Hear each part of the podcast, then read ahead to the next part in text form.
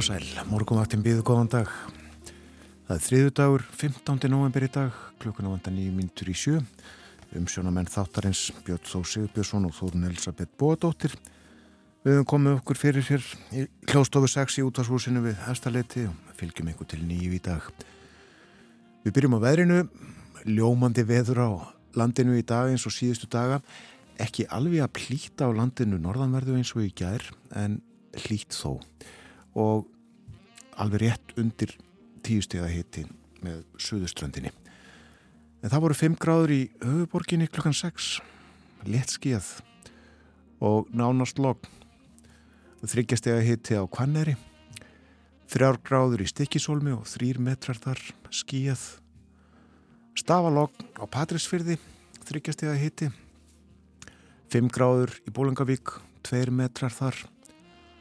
Fimmstega hitti á Holmavík, þrjár gráður á Blönduósi, sekstig við Söðunarsvita, þar var tólstega hitti í gerðið mann rétt. Fimm gráður á Akureyri, fimmstig líka á Húsavík, mjög hægur vindur á báðum stöðum, allskíjað á Akureyri. Seks gráður á Rauvarhöfn, fimmstig á Skeltingstöðum og nýju stega hitti á Eilstöðum og það ringdi söðustan fjórir. Nýju gráðu líka á höfni Hortnafyrði, 11 metrar þar. Áttastig á Kvískerjum, 9 metrar. Nýju steg að hitti á Kirkjubæðaklaustri. 8 gráður á Stórhauða í Vestmanægum og 5 steg að hitti í Árnesi.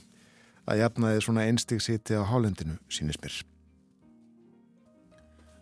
Og þá að viðu spónni. Austan og norðaustan 5-15 metrar á sekundu í dag, kvassast síðist á landinu og það er rigning söðaustan lands, annars væta með köplum en eftir hádegi verður yfirleitt þurft á norðurlandi og hitin í dag á bylunni fjögur til tíu stig. Í fyrramálið verður svo söðaustan stinningskaldi eða allkvassvindur og bætir í úrkomu um tíma. Skúrir eftir hádegið á morgun og hversir heldur sunnan til en það verður hægari vindur og þurft um landið norðanvert og áfram myllt í veðri.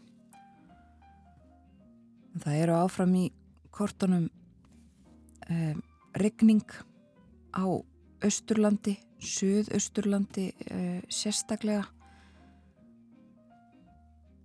Regning þar á fymtudag, samfeld regning á föstudag og áfram lögadag, sunnudag og mánudag. Og það er fylst mjög náið með eh, þessu öllu saman var uppfært í gær hjá viðstofunni um, sem sagt verið að skoða reyfingar líka með tilliti til skriðfalla engar tilkynningar hafa borust um skriður en víða á Östurlandi eru miklu vatnavextir. Og það verður áfram fylgst náða með þessu. Já. Nokkuð óvinnlega tíða undanförnu mjög hlýtt á landinu og veðrið hefur eiginlega frekar mynd á vor heldur en höst auðvitað hlusta að gamni á Hallbjörgu Bjarnadóttur syngja Vorvísu.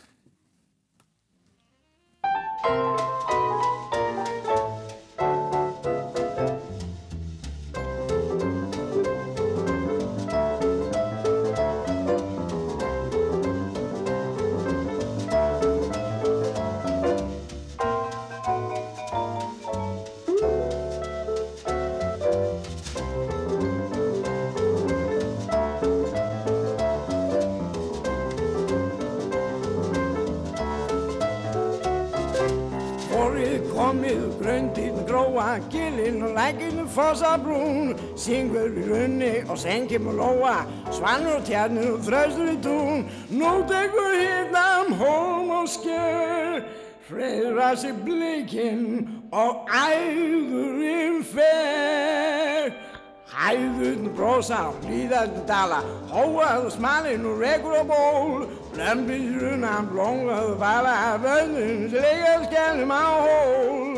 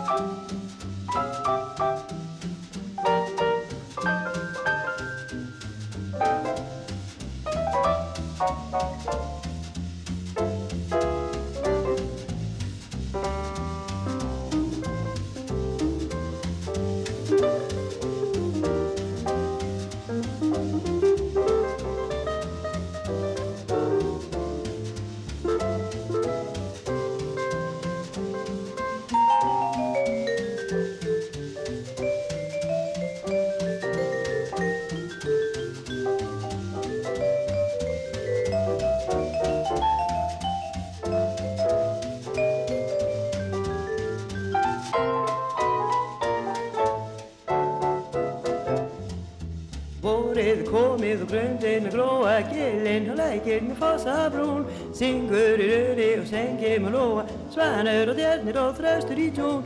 Nú tekur hýrnam holm og sker reyra sig blikinn og æður um fer. Hæðirni brosa og hlýðarinn tala Hóar það smalinn og rekur á hól. Löfið sér unan blóm hvaða bala börnin Blessi litlu börnin Leika sér að skerjum á hól Nei, það er ekki vor þó að uh, tíðin bendi til þess. Já, og uh, þetta lag, Vorvísa, Hallbjörg Bjarnadóttir, hún samti þetta lag við Ljóð Jóns Tórótsen.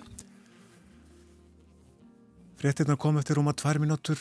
Við förum ítalega yfir dagskráð þáttarins eftir fréttinnar en uh, nefnum þó að við þurfum að tala eins um skýslu ríkisendurskoðunar um sölu ríkisins á tilteknum hluti í Íslandsbanka, Þorðusnar Júliusson gerir það að verða með okkur upp úr half átta.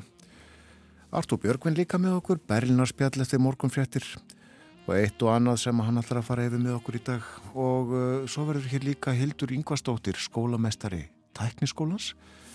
Við spyrjum hvernig hefur gengið að fjölga stelpum í yðin og tækninámi. Hildur verður hér hálf nýju. En eins og áður saði fyrir við betur yfir dagskráð þáttarins eftir fréttirna sem að koma eftir stöttastund.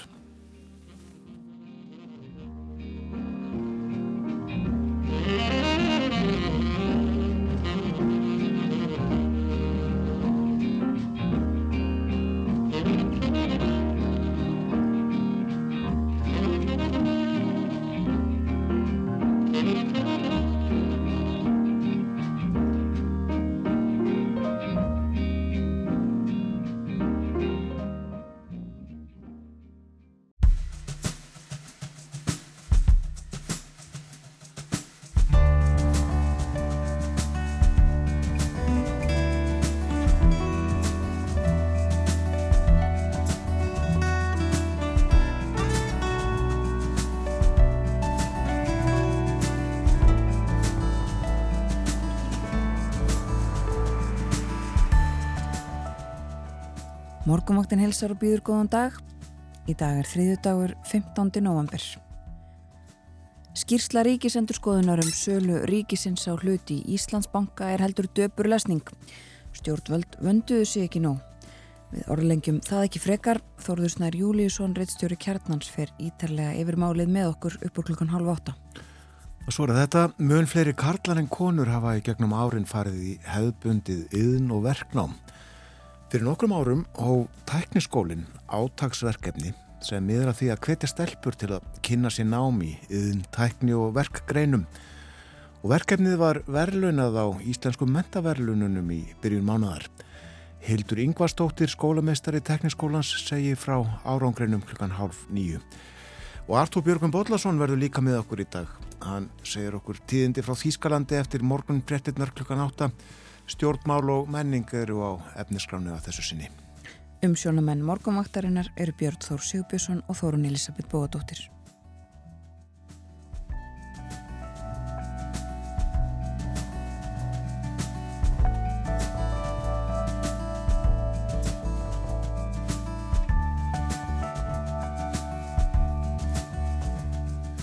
Ljómandi veður á landinu eins og síðustu daga býstna hlýtt sumstaðar hittin uh, svona að tíu stegum á nokkrum stöðum á landinu klukkan 6 í morgun til dæmis á eigilstöðum en það ringdi og uh, hætt við að regni talsverta áfram næstu daga eins og gert hefur þá síðustu. Já, um, það er spáð ósamfældri regningu á Östurlandi næstu rúmu vikuna og uh, langmestu á úrkomu ákjæðinni er spáð á Suðausturlandi og sunnanverðum austfjörðum.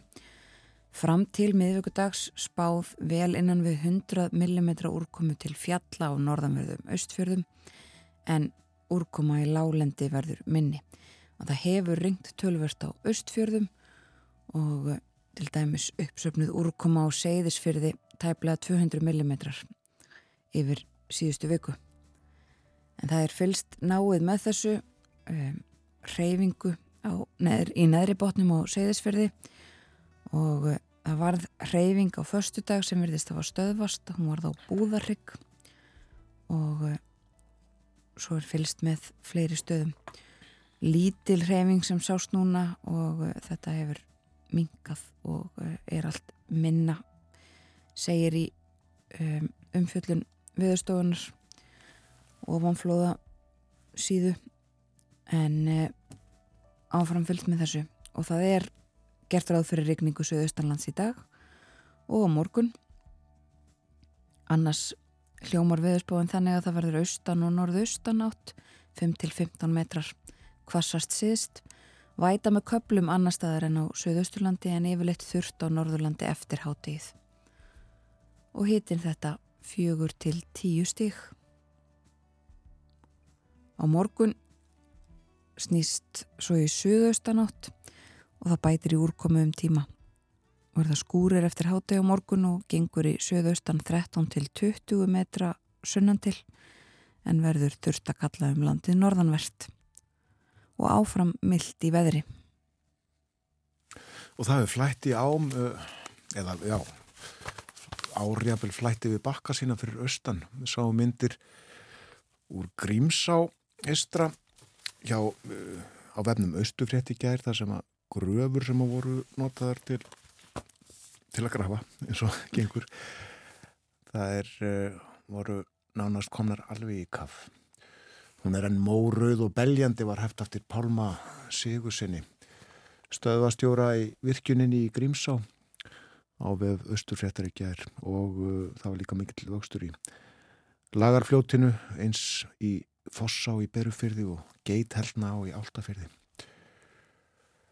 En uh, við lítum í blöðin, fórsýður fréttablaðsins og morgunblaðsins og uh, á fórsýðu fréttablaðsins er rætt við Bjarnar Benditsson, fjármálar á þeirra, um skýsluna sem að uh, kom út í gær formulega en fréttir úr henni byrtust á sunnudagin og Hann segir að í skýslunni komi fram mikilvægar ábendingar sem að stjórnult muni horfa til við næstu skref í þessu málum, það er að segja við sölu á hlutríkisins í Íslandsbanka, ég gerir ráð fyrir hann eigi við það. Það er jákvæmt að sjá að ríkisendurskóðun til söluna hafa verið almennt hagfelda fyrir ríkisjóð undir þetta vergi að taka. Og uh, það er líka talað um þessa rannsókn fjármála eftirlitsins sem að snýraða afmörkuðum þáttum þessa ferlis alls og eftirlitið uh, sagt flýta sinni aðtöðun hér í frett, frettablasins. Morgunblæðið er að fjallum kjara viðraðirnar en uh, þrjúfélög var þær landsamband Íslenskra Veslunumanna og starfsgreinasambandið ákáði í gæra vísa viðraðun sínum deilu við samtök aðtunlífsins til ríkisáttasemjara Rettir við Ragnar Þór Ingólfsson formann Vaffer, hann segir það mikil vombriði að samtök aðtunlífsins hafi ekki sínt þeirri viðletni félagana að ljúka kjara viðraðum fljótt og vel meiri skilning. Og haftur eftir honum við lögðum mikla áherslu á að gera alvarlega alluga því að ná saman um kjærasamning og við vorum í góðri trú með það að, að, að, að það sama væri hjá samtökum aðtunlífsins En síðan komi ljós að svo stefna er ekki fyrir hendið að nálgast þessar viðræður af alvöru. Og samtök aðtunlífsins sendi frá sér tilkynningu og í henni sagði Haldur Benjamin Þorbergsson frangatastjóri verkefnið er áframhið sama að ná samningum hratt og öruglega til að verja kaupmátt heimilana. Þar skipti mestu að skapa skilirði fyrir læri verbulgu og lækun vaksta. Nú... Fórstíðu myndir begja blada voru teknir í, teknar í borgarleikusinu í gær þar sem að framfór uh, úrslit Skreks sem er hæfileika keppni grunnskólana í Reykjavík og það var sínt frá þessu í betni útsendingu í sjónvarpinu. Líf og fjör aldilis í borgarleikusinu og svona heyra hér uppafið að Sigur atriðinu það var sem sagt réttarholtskóli sem að fór með Sigur að holmi Oh shit, gaur sjáðu þér, það bryktur á steppi. Ah, ég skil ekki úlinga. Þau eru svo hávær og pyrrandi. Þau eru líka svo háð símanum og svo TikTok kæftæði. Já, það er líka alltaf bara eitthvað vesen á þeim. Hafa úlingar alltaf verið svona?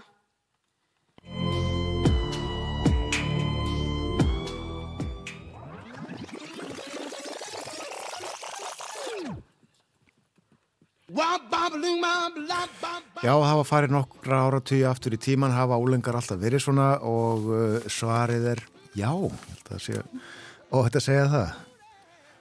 Og uh, kannski aðeins að heyra stemningunni þegar úrslitin voru tilkynnt, þarna var um, Þórti Slóa borgar fulltrúi, hún fyrir með eitthvað formlegt ennbætti, ég man ekki, er hún formaði borgar ás, fórseti borgarstjórnar? Já, annarkort. Annarkort.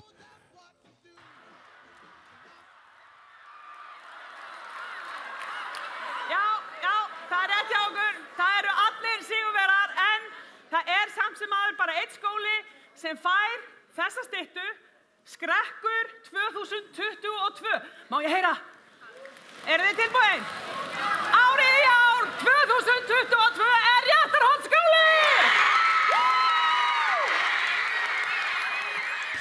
Stuð rétt á í dag, trú ég.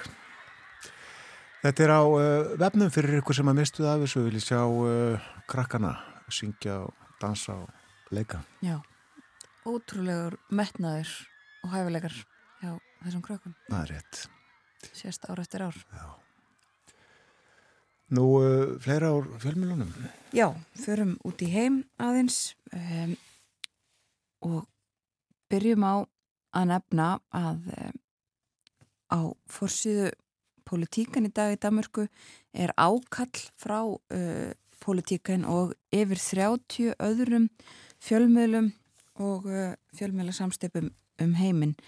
Uh, sé nú ekki hérna hverjar þær eru nákvæmlega en það er sérstaklega ákall vegna lofslagsmála Jörðin uh, síður og uh, Vesturland hafa einstakt tækifæri og uh, svar til þess að svar við uh, þessari krísu. Og nú þarf að gera eitthvað í málunum Þetta er fórsíðuöfnið á politíkan í Danmörku. Á fórsíðu informásjón í Danmörku þar er fjallaðum uh, það að í dag verða jarðarbúar 8 miljardar talsins. Já. Líkt og við fjallaðum um hér á morgunváttin í gær. Og uh, þetta upplegið hjá informásjón er uh, velkomin númer 8 000000000. Í dag uh, fæðist uh, fæðist uh, jarðarbúi numur 8 8, 8 miljardasti jarðarbúin. Þetta er erfitt. Þetta er erfitt, þetta eru stóra tölur. Uh, og uh, lillabatnið fæðist inn í heim með ótrúlegum möguleikum og ófyrir séðum vandamálum og krísum. Og þetta er yfirstandandi drama sem að hann eða hún hefur ekki valið sér sjálft. Og uh, sem sagt umfyllinum um þessi mál. Það vantar ennþá 5.000 manns. Já, en þetta gerist hratt. Okkur hefur fjölgað um uh, 55.000 bara í dag erðabúum þannig að þetta gerist bara innan tvekja tíma Akkurat, akkurat. Og við Breska Ríkisútu sem sér hægt að uh, kynna sér uh, þá einstaklinga sem voru númer, sko, sem voru 6 miljardasti og, og 7 miljardasti um, einstaklingarnir til þess að fæðast í heiminn. Um, ég ætla að nefna líka sænsk dagblöð í dag. Það er fjallaðum um, skólamál á fórsíðun á svenska dagblaðet uh, þau eru til umfjöldunar víðar enn á Íslandi og uh, tala við ráþara mentamála nýjan sem að e, vill möguleika ná því að bæta við skólaári fyrir þau börn sem að það þurfa áður en þau fari í mentaskóla til þess að þau séu betur undirbúin. Og finnst það vera eitthvað sem kemur til greina. Á fórsíðinu og dagans nýheter er fjallað um þessa árás um, sprengju árás í Istanbul á dögunum. Um, kona sem að þar var handtekinn segist hafa verið þjálfuð af PKK e, eh, kurdiska e, kurdisku samtökunum sem að Tyrknesk stjórnvöld hafa sakað svíja um að ja, íta undir og hjálpa til með og þetta sem sagt geta haft áhrif á ingöngu svíja í NATO, í Allandsafsbandalæð. Nú, stóru fréttinnar í dag eru frá Indonésiu, frá Bali, þar sem að uh, G20 leðtúar koma saman. Og uh, fundurinn eins og við heyrðum í fréttunum áðan uh, hófst formlega í morgun. Og það var það var Jóko Widodo sem er fórsetið Indonésiu sem að hjælt opnunar ávarp og bauð hinn að leðtúana velkomna sagði í opnunar ávarpinu að það verði að binda endi á stríðið í Úkrænu annars verði erfitt fyrir heiminn að halda áfram. Við megum ekki leifa heiminum að fara aftur í kallt stríð, sagðan meðal annars. Og uh, þessi fundur haldinn á Bali og uh, í gær þá hittust Joe Biden og Xi Jinping fórsettar bandaríkjana og, og Kína og uh, þetta var fyrsti fundur þeirra í eigin personu eftir að þeir eruðu báðir leðtóa ríkisina og þeir rættu ímislegt voru um mitt, sagðir í nokkrum fyrirsögnum vera svona hlýrri en samskiptin hafi verið. Biden sagði að það yrði ekkit nýtt kaldastríð sagðist ekki hafa trú á því að kynverjar myndur ráðast inn í Tæfan sem var meðal e, þess sem þeir rættu þeir tölu líka um Norður Kóri og einrás rúsa í Úkrænu og sí sagði heiminn standa á krosskötum og Kína og Bandaríkin eruðu að e, koma sambandi sínu á rétta braut. Það ætti að vera hægt að leifa þróun og velgengni begja ríkja. Það væri alveg rýmyndi þess í heiminum. En áherslan á að vera á uh, matvælauriki og verðbólgu og loftslagsbreytingar risastór mál. Úkrænustríðið er þó augljóslega á dagskroni og uh, fleira og uh, það var rætt við ymsa sérfræðinga og er í tengslu með þetta sérfræðingur sem að BBC Breska Ríkisúttarpi talaði við segir að G20-ríkin séu í raun áhrifa minni sem eining núna heldur en staða þeirra í sikkurulegi segi til um af því að þessi ríki, bandaríkin, Kína og Rúsland get ekki unnið saman. Þá sé ólíklegt að það verði einhver mikil niðurstaða af fundunum en það sé líka bara hægt að horfa á það sem ákveðin sigur að fundurinn sé að sé staði við höfuð. Eh, þegar einrásin í Úkrænu hófst þá hafi fólk óttast að G20 myndi bara eh, falla niður. Það er það engin fundur vegna ágreinings. En svona fundurnir til hliðar líka taldir skipta máli þessi fundur Xi Jinping og, og Joe Biden sömulegðis er uh, Macron Fraklandsfórseti að funda með leðtóa Kína og fórsetir á þeirra Ástralíu líka og uh, Selenski Úkrænu fórseti ávarpaði líka fundin í gegnum tölvu og sagði að það yrði að stöðva þetta eðalegginga til að bjarga þúsundum mannslífa Það væri ekki nokkuð tíman hægt að afsaka það sem hann sagði vera kjarnorku kúun og hann sérstaklega tiltók G19 ríkin, öll ríkin nema Rúsland og þakkaði þeim fyrir að gera heiminum það ljóst. Nú Pútín, Rúslandsfórseti er ekki á fundinum en eh, Sergei Lavrov, utaríkisráð þeirra er það fyrir hönd ríkisins. Og hann var viðstatur þetta ávarp Selenskis og líka viðstatur þegar að Rishi Sunak fórsetis á þeirra Breitlands gaggrindi innrásuna harlega, sagðan að villimannslega og uh, tók líka fram að uh, það hefði uh, geta verið þetta að komast að einhverjum svona árangri niðurstöðu ef að Pútin hefði þórað að vera viðstættur Rissi Súnaktalinn hafa svona verið bara svolítið já, gaggrinnin og ákveðin.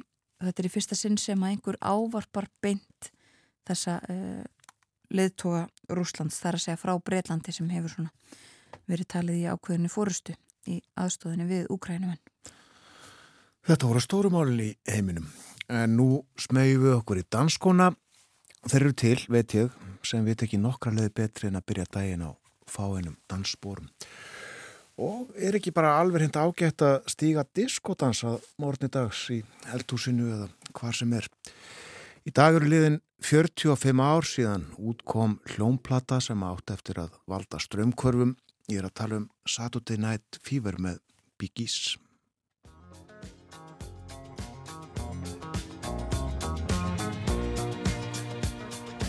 Á þessari plötu voru lög úr samnemndri kvikmynd sem var svo frumsýnd mánuði síðar en í henni fór John Travolta með aðallutverkið, hann leik töffara í New York sem var dansfimur mjög og sjarmur í ofanálag. Hann og stúlkanans sem Karin Gorney leik þau voru að undirbúa sig undir danskeppni og það gekk á ymsu eins og stundu gerist þegar und og kapsfullt fólk er annars vegar en diskotímabilið náði líklega hátindi með Saturday Night Fever og ámóta dægur menningar fár hafði ekki gengið yfir heimsbyðina frá því að bítlarnir slói í gegn. Og platan seldist í 20 miljóna upplægi og er enn 45 árum síðar með mest seldu blötum allra tíma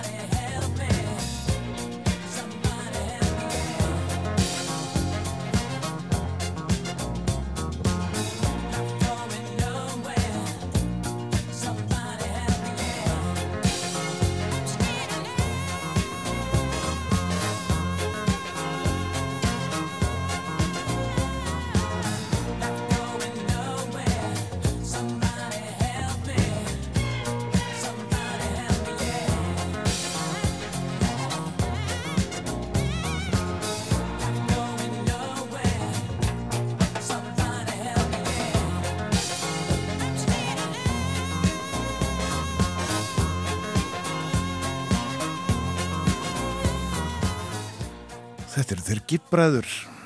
Þetta lag hefur verið til í 45 ár, 45 ár frá því að það kom út uh, platan Saturday Night Fever og allt var vittlust í heiminum.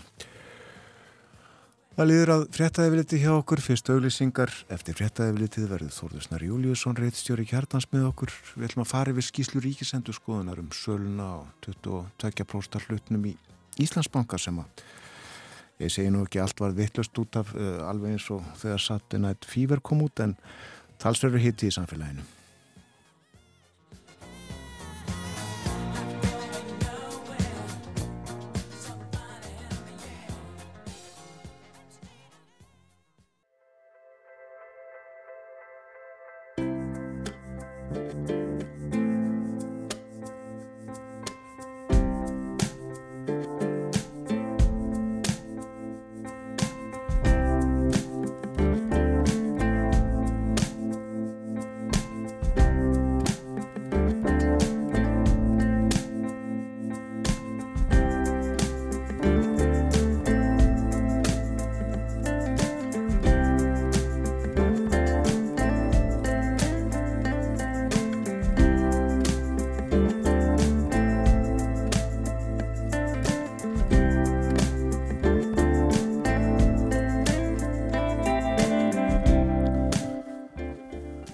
Aftur þegar það hlusta á morgunvaktina á rás 1, það er þrýðu dagur í dag 15. november, november mánuður hálnaður, klukkan núna réttliðilega hálfa átta. Við syklum hér í frekar rólegum takti, rólegum byr, hægum byr einni daginn og uh, förum við viður horfurnar. Það verða austan og norðaustan átt í dag 5-15 metrar á sekundu kvassast síðust á landinu. Ryggning suðaustan lands annars væta með köplum en eftir hádegi verður yfirleitt þurft á Norðurlandi. Hiti fjögur til tíu stíg í dag. Suðaustan stinningskaldi eða allkvass vindur í fyrramálið og bætir í úrkomu um tíma. Skúrir svo eftir hádegi á morgun og hversir heldur sunnan til en það verður hægari vindur og þurft um landið norðanvert áfram myllt í veðri og það verður það áfram eins langt og spáin nær. Hiti breytist lítið alveg fram á mánudagi næstu viku. Ég minni á Artur Björgum Bodlason verði með okkur eftir fréttinnar klukkan átta. Tölum um stjórnmál og menningu á þessu sinni og milli hálf nýju og nýju verður hér Hildur Yngvarstóttir, hún er skólameistar í tækniskólans. Hún ætlar að segja okkur frá átaki sem að skólinn hóf fyrir fáinum árum og miðaði því að fjölga stelpum í yðin og tækninámi, verknámi. Átaki var verðlunað um daginn á íslensku mentaverðlununum. Við ætlum að forvinnast um það hvernig við gengið, hvað eru margar stelpur í yðin, tækni og verknámi í tækniskólunum. En nú ætlum við að tala um skýsluna, skýslu ríkisendurskoðunar sem var byrt formlega, ofnberlega í gær. Búið að býða lengi eftir henni og uh, þar er farið yfir uh, undirbúning og framkvæmt ríkisins á 22 próstar réttrumlega hlut í Íslandsbanka og Þórðusnar Júliusson rittstjóri Kjarnans er hjá okkur eins og yðurlega á þriðu dögum og við ætlum að greina þetta allt saman. Góðan dag. Góðan dag. Ég er rétt að segja bara til að byrja með að þetta er alveg hreint ágætti skýrsla. Uh, já, mér þykir það. Mér þykir hún veluninn innan þeirra auðvitað marka sem uh, Ríkisendurskóðun hefur til þess að skoða luti en er, uh, er til lögum Ríkisendurskóðun sem segja skýrstu það hvað, hvað Ríkisendurskóðun gerir. Þetta er stjórnsíslútegt. Uh, þetta er ekki hérna, tæmandi úttekt á öllum mögulegum hliðum af því sem framfór í bankasölu Það er tekið teki skýrt fram í engangi Engin vafi og, hérna, og þetta er velunnið verk það er ídalegt og það er svona þrátt fyrir kannski kurtist orðalag gríðalega gaggrinnið á það sem framfór bæði aðdraðanda og framkvæmt uh, þess að 22,5% slutur í Íslandsbanka var seldur í mars síðastlinu. Mm.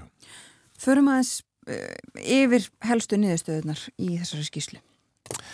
Já, það eru þetta nokkrar. Mm -hmm. uh, þetta er, maður þarf að vera með ansið svona jákvæð gleru að, hérna, að sjá það ekki að þarna er áfelli yfir framkvæmdini og sérstaklega áfölli yfir framferði bankasíslu ríkis stopnunarinnar sem var sett á, á fót hér eftir bankarhundi þess að fara með hluti ríkisins í fjármálafyrirtækjum.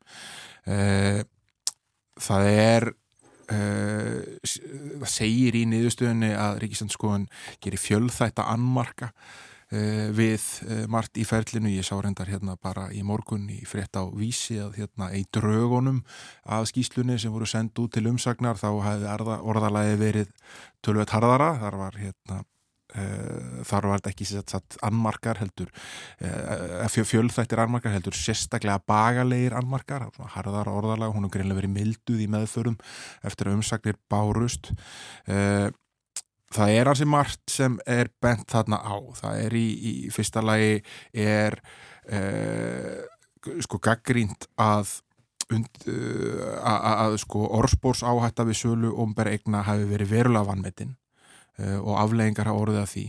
Öll upplýsingagjöf bæði til almennings og þingnemda en ekki síður til ráðunitsins um ímsa þætti hafi verið ekki í lagi það er niðurstað ríkisendskoðunar að e, það hefur verið hægt að fá herra verð e, fyrir hlutin og upplýsingar um það hversu mörg tilbóð þá voru komin inn um e, í, í hlutin og annars líkt hafi bara verið reynasta fúsk þarna á lokametrónum. Að það verið notað færtinn upplýsingar í eitthvað Excel-skjál þar sem notast var við sumum tilfellum við erlenda komu, komusetningu á brotum og stundum skrifað bara reynd inn með bókstöfu höfum tilbóð og fyrir vikið var ekki heldar mynd uh, á því hversu mörg tilbóð voru komin inn í bankan eða hver heldar uppæð þeirra voru uh, þegar ráð þeirra tók afstöðu til hins leiðbynandi verðs sem að undan var, var, var 117 eh, krónur á hlut.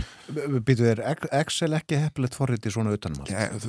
Excel er eins og annað, þú þarft að nota það rétt til þess að virki og, og það er það sem er gerað aðtóðsendu við þarna að það er einfallega verið e, fæslur inn í skjalið sem hérna gerða verkum að það virka ekki eins og átt að gera. E, og nei, Ríkisendurskóðun gerir aðtóðsendu það að, að svona hvað er að segja e, Ófagleg, ófaglegt utanumhald hafi verið, það er hægt að kaupa alls konar kerfi út í heimi til þess að, að halda utan á svona stóra frangvænt, hér er auðvitað að vera að selja ríkisegn Eh, það sem vekur aðtikli, eh, vakti miklu aðtikli mína er hversu harkalega ríkisendurskóðan gaggrinir e, það að það hefur verið farið í þessa tilbóðsleið, það er að segja þetta er fyrsta sinn sem þetta verið gert á Íslandi að fara e, tilbóðsleið við að selja e, ríkisegn og, og það í henni fælst að, að, að það er völdum fjárfestum bóðið að koma uh, og, og bjóða í og þetta átt að tryggja ímislegt, þetta átt að tryggja dreiftegnarhald og það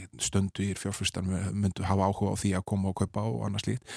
En Ríkisend sko uh, eiginlega uh, segir að, að það hef ekki verið neinn kunnota til þess að, að fara í svona þennan alþjóðlega stóru stráka bankaleg eh, sem eh, bankasíslan vildi ráðast í gera eins og, eins og hérna, bankarnir er að gera í útlöndum.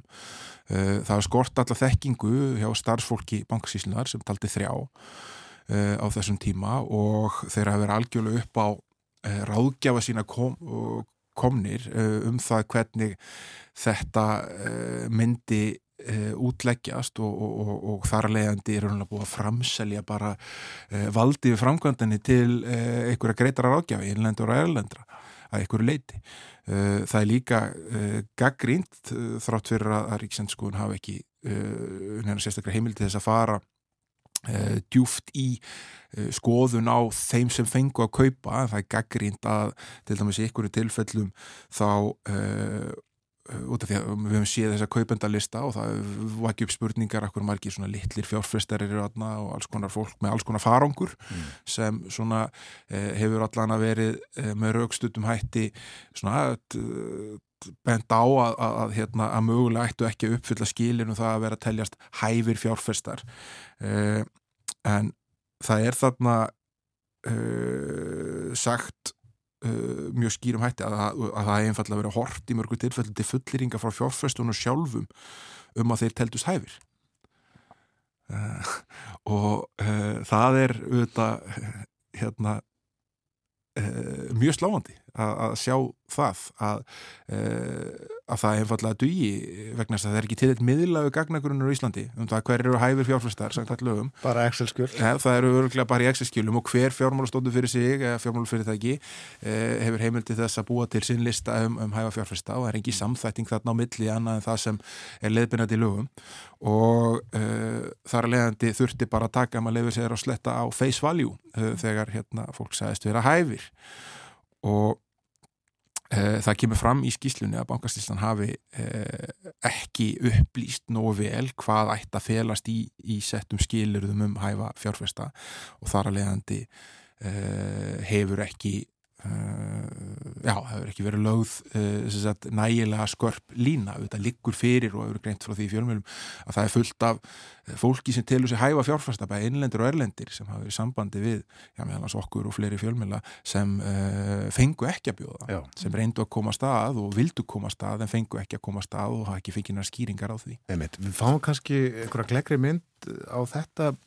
þegar fyrir liggur niðurstaða fjármálega eftirlitsins. Hún er að skoða sérstaklega hvernig bankarnir og verbreyðafyrirtækinu unnu og þá mögulega hvernig fjárfestar voru valdir af þeim, ekki satt? E, jú, og fjármálega eftirlitið eru að skoða ímislegt annað. E, það kemur fram í skýslu ríkisendurskoðunar. Það er hérna e, það er ljóst að þeir eru að skoða og, og benda það, þú veist að það sé svona lúti eftirliti fjármálega eftirlitsins hvort að þessir fjárfæstar hafi sannarlega verið hæfir sem fengu að kaupa mm. og við munum það að, að sá sem kifti fyrir minnst kifti fyrir 1,1 miljón króna og, og hérna og það verulega gaggrínt og ég held að ég fari rétt með að það voru 59 sem kefti fyrir undir 30 miljónur króna.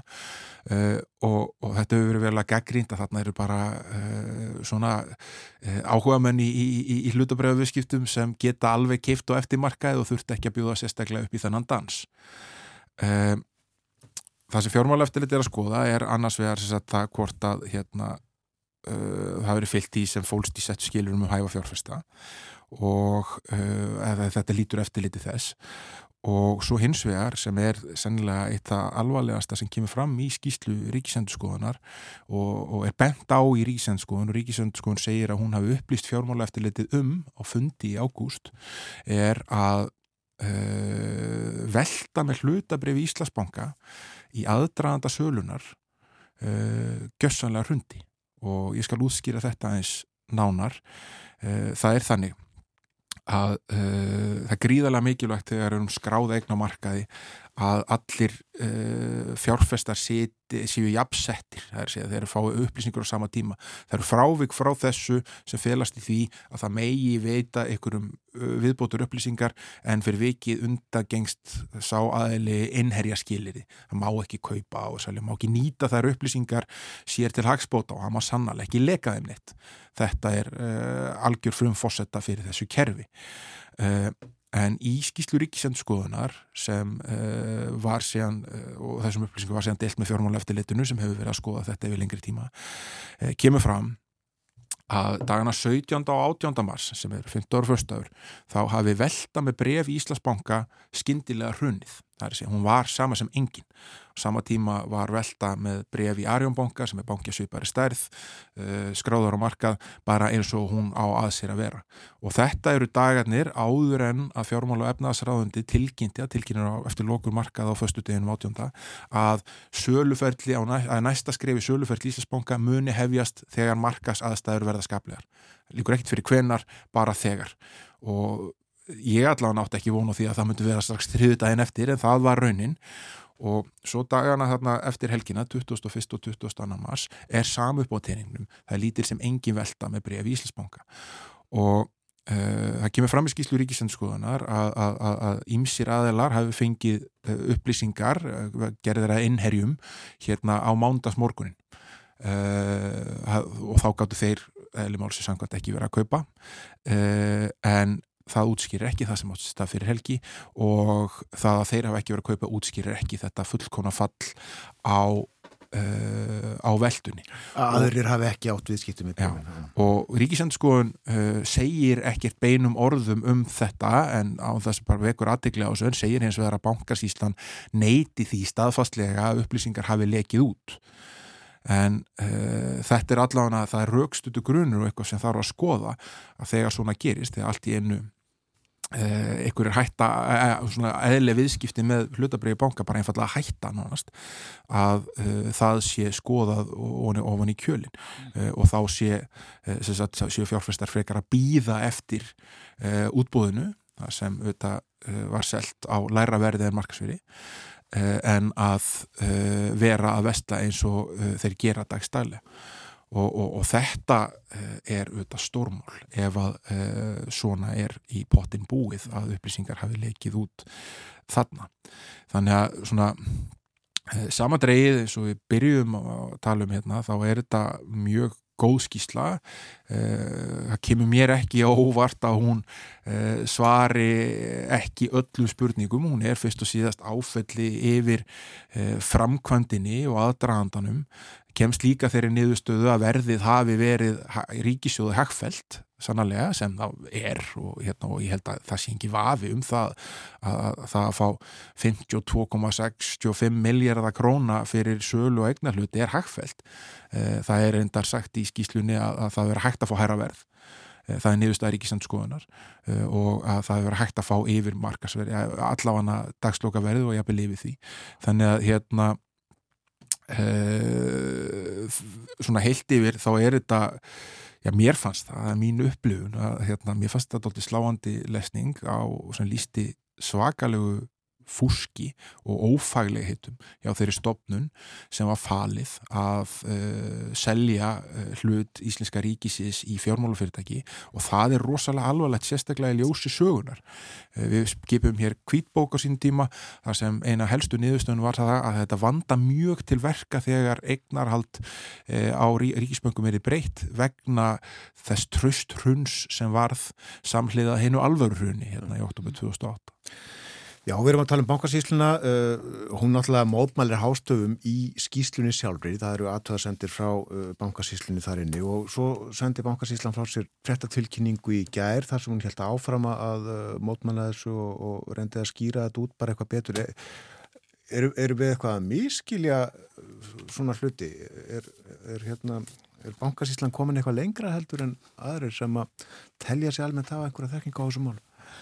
Já, hún telur það, mest okkur, hún segir að skýslan afhjúpi takmarka þekkingu og viðfóngsefninu og bóðar það að, hérna, eh, að frekar í málsvörn veri sett fram á vefsíðu sinni e, með tíð og tíma e, og sagði á einu stað hérna, svona, þú veist, eru auðvitað eins og í flestu skýslum er, er eitthvað sem er hérna, svona skemmtilegt og jafnvel dóttið fyndið í, í, í, í hérna á einu staði skýslunni segir að í útæktavinnu ríkisendskoðunar hafi ítrekka komið fram að hálfu fullur og bankasíslunar að úrvinnsla sölufells eftir tilbósfyrirkomulagi hefur frekar verið ætt við list frekar en vísindi.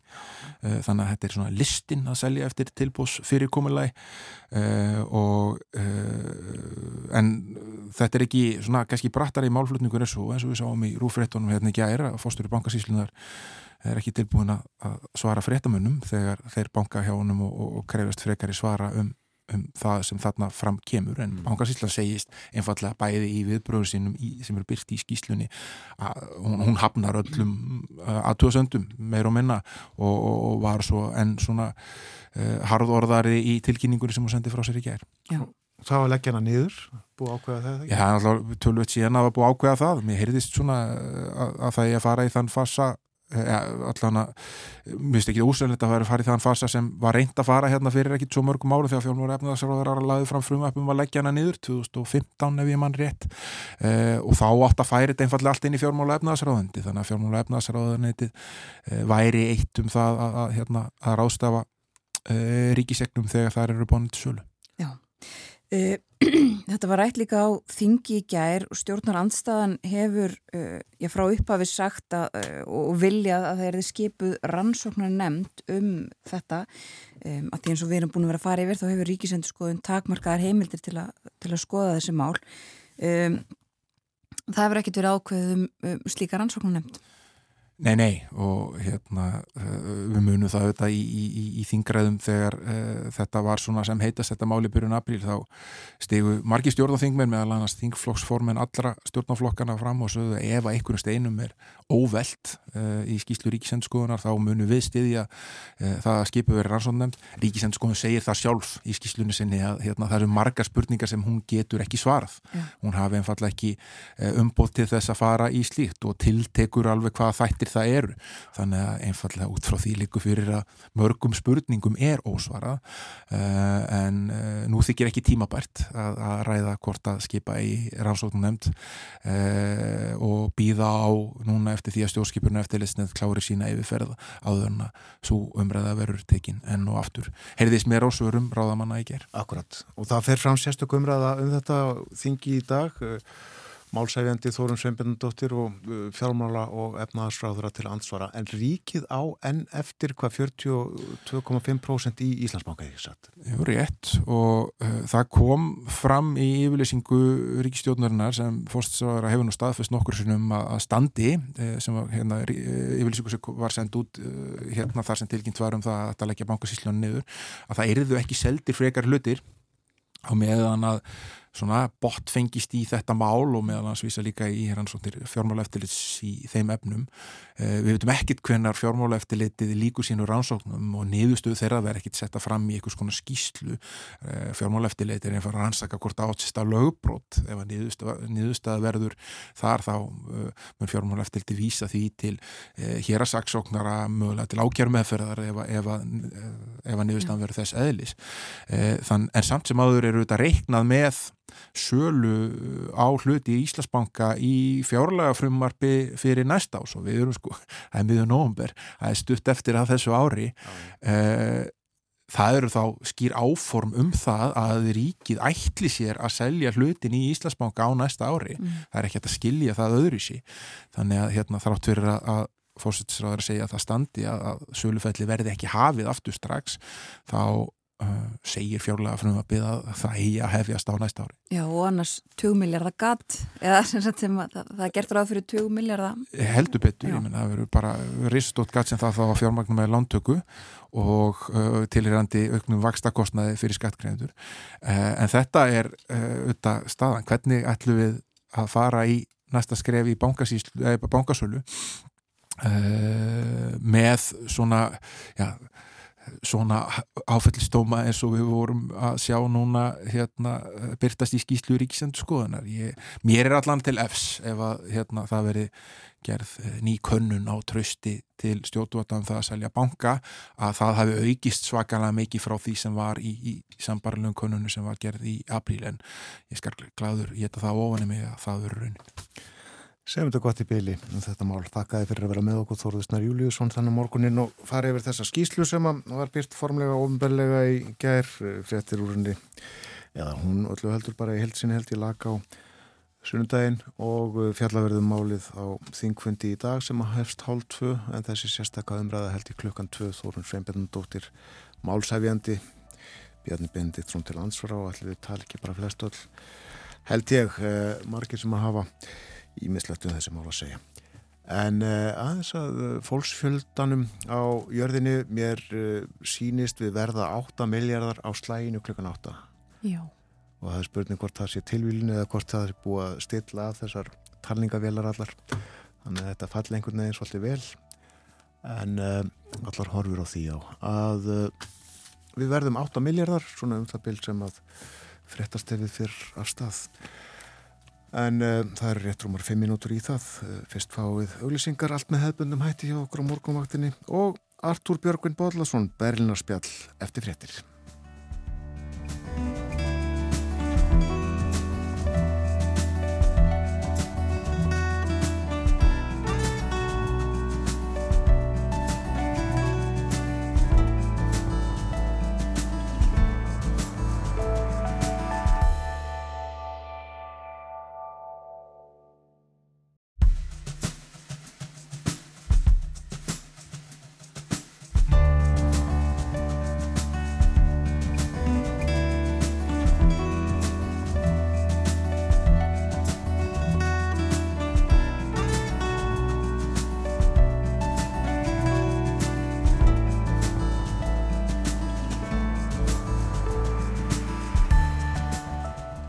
aftur þér að hlusta á morgumvaktina á rás 1. Það er þriðu dagur í dag, 15. november, klukka núna 6 minútur gengin í nýju. Og það fór eins og við spáðum fyrir fréttinnar, jarðarbúar orðnir 8 miljardar, urðuð á slæðinu 8, við reknum þetta út okkur tóstað, notuðum ekki Excel-skjöld. Nei, 8 miljardar og uh, strax uh, 763, 4, 5, 6, 7 til viðbótar og svona mætti áframtælja að það er bara, bara við hvert augnablík þá fjölgar okkur um einn. Já. Við rættum hér áðan um uh, skýslu ríkisendurskoðunar um sölu ríkisens á hluti í Íslandsbanka. Skýslan byrt ofinbarlega í gær, hannar hafði verið beðið í uh, þó nokkuð marga mánuði og uh, myndumst á það að í dag þá verður rætt um skýsluna í sérstakri umræðu á þingi. Um, þetta var rætt í óundubunum fyrirspurnum í gær og verður rætt sem sagt í sérstakri umræðu í dag og eigum við ekki að segja að það sé líklegt að þetta verði áfram rætt uh, töluverður hitti í pólitíkinni yfir þessu máli. En það er víðar en á Íslandi þar sem er hitti í pólitíkinni Nú ætlum við að snú okkur að þýskum málefnum. Artur Björgun Bodlason er með okkur. Góðan dag, Artur Björgun. Góðan dag. Það er já, eins og ég nefndi, eh, hitti eh, og töluvert um að vera í pólitíkinni viðar en á Íslandi og það má eh, segja svo sé í þýskri pólitík þessa dagana. Já, já, og það er svo sem ekki nýtt að sé hitti í gólunum en það har tekist á stórmál hér í Þýskalandi eins og annar staðar en En uh, það hefur löngum til dæmis staðið mikill styrum um tilhugun atvinnuleysisbóta hér í Þískalandi, sérstaklega frá því að ríkistjórn Gerard Schröders samtitti svo kalluð Hartz 4 eða Hartz 4 lög í byrjun ást 2005 og þessi lögjöf sem var kend við Peter nokkun Hartz fyrir verðandi fórstjóra Volkswagen vesmiðana, hann var nefnilega formaður undirbúningslemdar lögjafarinnar að þessi lögjöf var sett til að koma skikki á efnahags- og atvinnulífi sem að var heldur bábori hér í Þískalandu miðan fyrsta áratug þessari aldar. Og, og hér var þetta mikið atvinnuleysi, það voru eitthvað um 1200 atvinnuleysi 2005 og, og ástandi í efnahagsmálunum var almennt frekar uh, slemt og breytingarnar sem voru gerðar með þessari lögjöf, uh, þær náðu meðan þess að greiðslu trygginga á atvinnuleysisbóta og uh, áttu að rétta þjóðarskútuna af og margir haldur það fram að hafi tekist að hvort það einu leiti því að frá 2005 til 2019 þá mingaði atvinnuleysi hér í Þískarlandi úr tæplega 12 eins og ég nefndi niður í 500. Hins vegar voru ymsir þættir í þessari nýju löglöf mjög umdeldir á sínum tíma og hafa allar tíð verið og uh, Það fór til dæmi sérstaklega fyrir brjóstuðamörgum að atvinnuleysisbætur og félagslega bætur almennt voru alla settar undir einn hatt. Og þetta allir því að margir óttuðust að, að það myndi hafa þau áhrif að, að þeir sem mistu vinnuna um lengri tíma myndu festast í félagslega kerfinu og eiga erfitt með að koma undir svo fótunum á nýjan leik. Og þó að þessar grundvarar breytingar eins og ég sagði virðist hafa leitt til þess að atvinnuleysi mingaði til muna næstu árin Það voru margir sem haldaði fram að, að uh, þetta mingandi aðunriðsi hafi í raun verið fylgifiskur almennar uppsveiflu í efnahagslífinu, þar að segja aukins hagvast eða aukina grósku. Og en þessi lögjöf, hún uh, leiti til þess að sín tíma að verkalýsheifingin endi hvað þetta er andur mótmæla, því að uh, á þeim bæ óttuðust menn að í þessari nýju lögri fælist að miklu fleiri en áður myndi lenda í fátakara gildurni. E, og inn í þessi mótmæli blönduðist á sínum tíma áðurum við ljúku þessari söguru upprýfum kannski eh, svona andóð gegn kapitalismanum og nýjifrálsíkunni sem að margir voru hrettur um að að myndi færast í aukarna og getu leikið vinnandi stjettir grátt sem að hefur reyndar komið á daginn. En, en vegna óanöðu með þáttökusröytis og stjórnar hans í þessum kerfisbeitingum það er pólitiska hliðin á málunum þá snýrum margir félagar baki við jafnamarafloknum SPD og stopnuðu seifingu sem kallaði sig valalternatífi arbeit og sociali gerechtigkeit eða valkost fyrir atvinnu og félagslegt réttlæti. Og þetta hafði sem sagt verulega áhrif á pólitísk landslægi landinu því að tveim árum setna sameinaðist þessi seifing sem var bara stopnuð af óanægu uh, ákveðina eða fjölda jafnaðamanna með þessi nýju lög Þá var stofnur heimingin PDS, eh, Partei des Demokratischen Sozialismus eða, eða flokkur sem kendir sig við viðræðislega sosialisma og þetta voru eftirheitutur af gamla austurfíska kommunistaflokkum SED, SED og eh, úr þessum samruna var til Die Linke eða vinstirshefingin sem að egnaði svo fulltrú á þingi, físka þinginu og hefur reyndar allir litlu lánað að fagna síðustu árin. Þannig að, að það má líka segja með nokkur sannig að þessi umdeldu lög hafi litið þess að, að títt nefndur öfgaflokkur alternatífið Deutschland hafi líka sprottið uh, fram eða hann spratt á þessum sama og því að uh, og hvað sem öru líður þá, þá er alveg ljóst að Harts fjögur lögjöfun hún letið til þess líka að bílið á milli ríkra og fátakara breykaði það hafa með reiknað út og Og svo hafum við verið um árabil að breyta þessum, eh, sko, ræðum að breyta þessum lögum og, og, og ná kemur nú að, að, að því sem verður að gerast til um helgina og, og nú er þessi lagabreiting sem sagt komin á stað því að um síðustu helgi þá keiriði ríkistjóttjafnamanna græningi á frálsættdemokata e, í gegn lög sem eru kent við borgaralaun eða burgergeld og Þessi lög fóru sem sagt í gegnum næri del tíska þingsins bundistak uh, eh, núna fyrir helgi. Það er rétt að taka fram sko þegar við talum næri delt og efri delt, það er svolítið rugglandi því að uh, það er í rauninu þannig að bundistak sem er þíska þingið, til upplýsingar, afgreðir lög og er bara venður löggefa þing en hins vegar þurfa mörg af þeim lögum sem þarf farið í gegn að fara líka fyrir bundisrat eða sambandsráðið og það kalla ég efrið til þingsins og þar sýtja fulltrúar, fulltrúar fylgjana.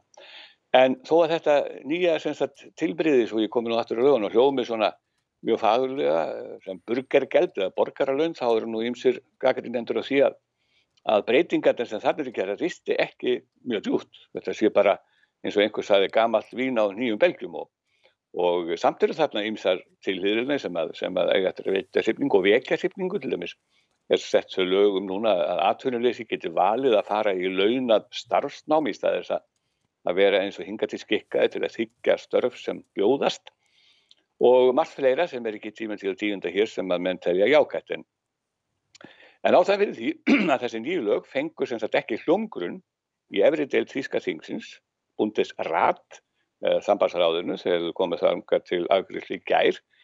Uh, þar voru við kolfeld ástæðan er einhvers hú að meður hluti þeirra sem að sitja eða tilhera, sko, sitja þarna tilhera stjórnar anstöðunni og þessi þingdeild þessi búndesrætt eða sambandsráði sem að tekur við mörgum og þarf að samþykja margar lagarsettingum búndestak eða sambandsþingsins að þessi þingdeild endur speklar valda hlutföllin í fylgjónum eins og ég nefndi og og uh, þar fundu þingmenn stjórnar andstöðuna sem eru þar hæstræðandi, þeir fundu lögur um ínvísleitu forráttu, meðal annars það að uh, í þeim félist að fólk sem á egnir og er í sæmilega með góðum álunum geti líka fengið ofnbæra framsæðsustyrk og þetta er sem sagt uh, bísnast núi mál og, og fjármáraðar Þískarlands uh, Lindner, hann hefur talað um að það þurfu að, að, svona ytta lögin og brínaðu svolítið og, og kannski breyta þeim eitthvað Þannig að þetta á eftir að valda mjög miklum þrætum í pólitíkinni hér á næstunni en, en svona í lokunum þetta mála þá má reynda að bæta því að þessi borgaralögn þau hefa mjög lítið skilt við það fyrirbæri sem að hefur gengið í gegnum lýsingar á, á fyrirmyndarsamfélögum eða staðlösum útópíum alveg frá dögum Tómasar Múrs á 16. öld og, og, hérna, og hefur óttur í réttum og sem að félur það í sér eða þau borgaralögn þessi helbunum skilningi fela í sér að allir þegna samfélagsins eiga að fá sangjörn grunnlaun sem að tryggja þeim áhyggjulust líf. Og uh, þetta er nú ekki alveg þessi uh, draumkenda hugsun sem þarna kemur fram heldur þetta miklu svona já, miklu hjálpunnari hjálpunnari uh, útdeiling á sennilega bara lögum um það hvernig að deila út bótum frá ríkinu. Já, nokkuð er rætt um borgarlaun hér á Íslandi. Píratar hafa meðal annars rættið þetta á alþingi. Já, sennilega hafa þeir nú verið meira svona í anda kannski þessara gömlu hugssjónur um að, um að allir borgarar fái sín laun, Já. fái sína framfærslu Já. Eh, hvernig svo er ást, annars er ástætt fyrir þeim. Já. Það er þessi gamla hugssjón sem hefur náttúrulega gengið í gegnum sögun og eins og ég segi verið svona mjög mikil kærn í öllum draumum manna um fyrirmyndarsamfélagi eða útópýr. Akkurat. Nú ætlum við að tala eins um innrás rússaðin í Úkrænu og afstöðu þjóðverja til þess máls alls. Já, afstæða þjóðverði til þess máls alls, það er ágætt, ágætt stykkorð vegna þess að afstæða þjóðverði er ekki einlít til þessa máls og uh, það hefur komið í ljós að það er verulegur munur á afstöðu þjóðverði sem búa í Östusískalandi og þeirra sem búa í Vestusískalandi til þessa máls og til rúsa yfir leitt og það hefur til dæmis uh, vakið sko, undrun margara vesturþjóðverja að í mótmannagöngum sem hafa nú verið tíðar í borgum eins og Kemnis í Östusískalandi að þar eru þessi andókshreyfing sem var hér að andmæla öllum, öllum sótvarnarreglum á sínum tíma og, og núna framvar um götturnar í, Kemnis og fleiri borgum meginn í landinu gegn, og er þá mótmæla hækkandi orkuverði og aukinni verðbólgu og í þessum göngum eru innanum og saman við mótmælendur sem að veifa mjög gladbyttir rúsnænska fánanum og þetta þykir nú ymsum skjóta skökku við uh, og er óskiljanlegt í augum uh, eh, vesturþjóðverða ekki síst í ljósi þess, uh, þessa grimma árásastriðs sem að, sem að Putin hefur verið að heia í Ukraínu. Hins vegar alveg þetta sem mjög djúpar rætur í, í, í sögu síðustu aldar. Og það má ekki gleyma því að, að í 40 ár var sambúð Östursöfur og rúsa mjög náinn og eh,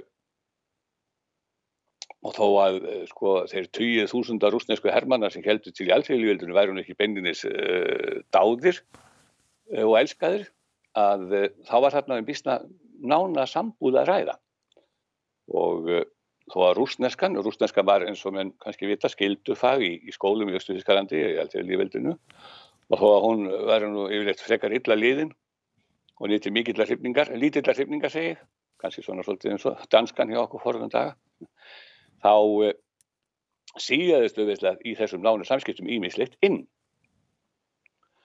Og hins vegar breyttist sko afstæða Östusöðara til Rúslands með tilkomu Mikhail Gorbatsjós. Og uh, margir voru á því að hann myndi frelsa að því lífettir sem hann þetta gerði að vissu maski með pereströka sinni og eftir að múrin fjell þá hölluðust margir að Putin en það voru fjölmargir austusíðu þau verðar ákala ósatti við að vestusískan skildi gleipa ríkið þeir eins og sögðu með húð og hári mm. Og, það er nú bara þannig. Og, og margir mistu jú fótanna þegar að múrin fjell í samkeppni stjóðfjöðaði vestusíska kapitalismans en það voru austusíðurar mjög illa undirlega búinir að taka þátt í þessu grimma og harða neslu kaplöpi vestusins en En sem dæmi og skilt dæmi um það sko hversu ólík viðhorf austur og vestur þjóðra til Pútins uh, eru, það má nefna að það var ekki skoðanakönnun í februar á þessu ári, rétt fyrir innrásina í Ukrænu og þá kom í ljós að 25 af 100 austur þjóðra sögðust bera fullt tröst til Vladimir Pútins en ekki með 6 af 100 vestur þjóðra og þetta segir sína sögu og, og hérna, svo er annað líka sem má nefna að þjóðra hafa hvað eftir annað lagt til að Nord Stream gasleisla frá Rúslandi sem var lokuð í kjölfarstiðsins í Ukrænu, hún verði opnuð aftur. Og, og, og AFG-flokkurinn, Alternatíu fyrir Dórsans, þessi hægra aukaflokkur, sem á langsamlega mestu fylgi að fagna í Östuþískalandi, þar er hann í sumum fylgjum starsti flokkurinn. Þessi flokkur hefur skorað á stjórnvöld hvað þetta er hann að hætta að taka þátt í viðskipta þvingunum gegn rúsum og Scholz til dæmis er nú, já, ég held að AFD-flokkurinn sé búin að lögsækja hann eða stefnlónu fyrir dóm. Sjálfskanslara því að hann kallaði sagt, uh, þennan flokk í vor á þinginu. Og kallaði hann bara flokk rústaflokkin eða Pútinsflokkin og það þóttu þeim að svakalega nýrendi þannig að þeir eru búin að stefna hann og uh, þeir stemdur Angela Merkel á sínum tíma fyrir domstóla og fengu einhvers konar viðkenninga því að hún hefði verið svolítið harðorið þeirra garð og ekki vilt á sem líraðisflokk en, en þetta sem sagt er núna kemur þetta fyrir og það, þetta er einfallega þannig, það er gríðalegu munur vegna sögunar, hún er svo fersk ennþá því að þetta er ekki rúmlega 30 ár síðan múrin fjall og fólk sem var þá að besta aldrei náttúrulega, eða svo segjum við fólk sem var komið kannski um færst ut eitthvað svo leiðis og enn er sæmilega sprekt, eða uh, það mann þessa tíma og, og þetta bara Rúsland hefur alltaf þýringu í hugum östu sögverða, þetta er enn eitt dæmi um það, það er margt sem að skilur þessar sjóðir enn að í höfðunu. Já. Það er greinlegt. Já, Pútin á sér uh, fylgismenn meðal almennings í austurluta Þýskalands. Egum við hér síðustu mínuturnar Artur að fá þið til þess að segja okkur frá fyrirlestri sem að þú sóttir í gær um Norræn málefni. Já, í fyrir dag á, á sunnudaginn þá var hérna sagt uh, mjög skemmtileg dagskrá í Norrænu sendiráðunum í Berlín. Það er kannski rétt að taka það fram að Norrænu sendiráðun, það var jú eins og kannski margir vita, samiðlega bækjastöða hérna í Berlín, Norrænu eiguna og þau eru mjög dugleg við að ganga fyrir allskins dagskrám og það er stöðut, stöðut dagskrá þau í gangi það er. Afskaplega mikil kraftur í sendiráðunum hér og í síðustu helgi þá var hér uh, Norræn bókmenta og menningar dagur og þar flutti Bernd nokkur Henningsen fyrir hann til prófessor í Norrænum fræðum og, og fyrsti fórstöðumöður Norður-Evrópu stofnunarreinar við Humboldt-háskólan hér í Bellin, uh, mjög skemmtileg derindi.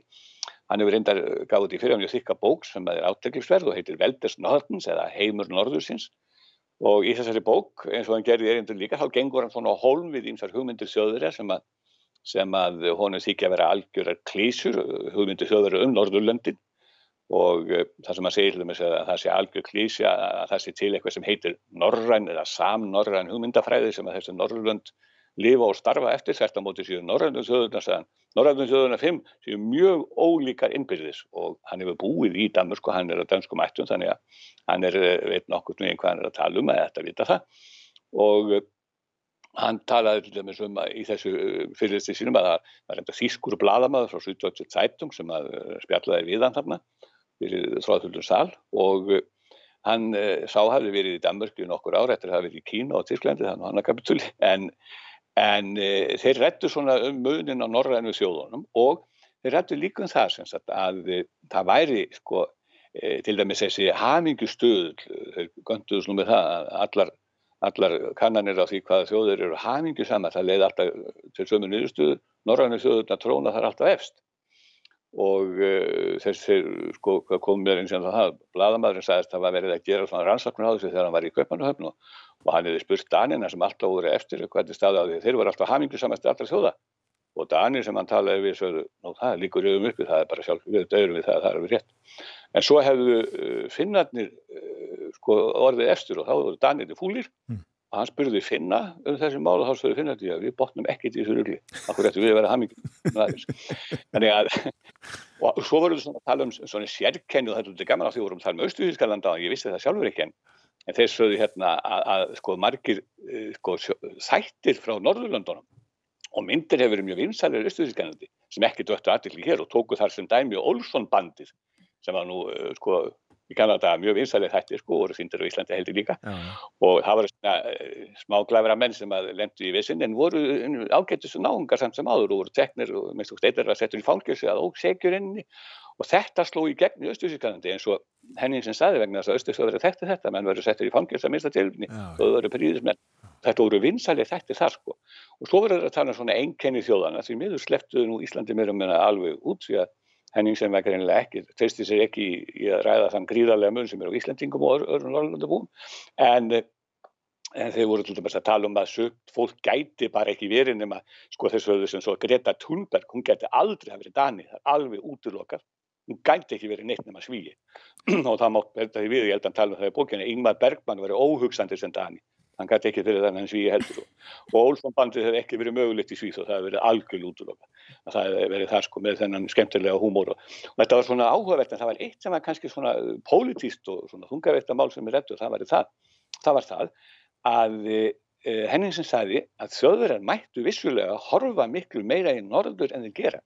Hann sagði þeir eru alltaf að byrja sig saman með frakka, Ítalíu og þessar suðrandu þjóðir en uh, það þyrta efla tengslinn saða millir Norðurlandana og Þýskalands vegna þess að það væri að sumuleiti sko miklu viturlara fyrir þjóðverja og miklu skynsarara fyrir þá að horfa meira eftir Norðurlanda í sambandi við stjórnmál, sambandi við efnarsmál og margt fleira mm. því þar væri skildegin miklu meiri og, uh, og hérna heldur við alltaf að byrja sig saman með þjóðutinni suðri sem væri af allt öru stopn og allt örum uppbrunna og allt annars eðlisinn en gerðslepa. Þannig að þetta var svona uh, mjög skemmtilegt og, og, og gaman að, að hérna, hlusta á þetta og uh, sérstaklega gaman bara hvað Norðurlöndin eru að, að gera sig gildandi með svona uppákomum og svona menningarháttíðum hérna, kannski bara á þetta til að breytast og þau verður að fara að taka meiri til í Norðurlanda og það er bara þannig að það er einhver treða þarna og, og á milli. Kannski er það tungumáli líka sem veldur því að Norrlanda þjóðunar hallar sér minna til Þýskarlands og þjóður er hallar sem er, ég veit ekki en allavega þá er það, var þetta svona kvartning sem kom fram á þessum fundi að, að það er þetta eftir tengjum myndum Lorðurlanda og Þískarlands. Það væri af þessum góða fyrir báðaðina. Akkurat. Takk fyrir í dag, Artur Björgum Bodlason.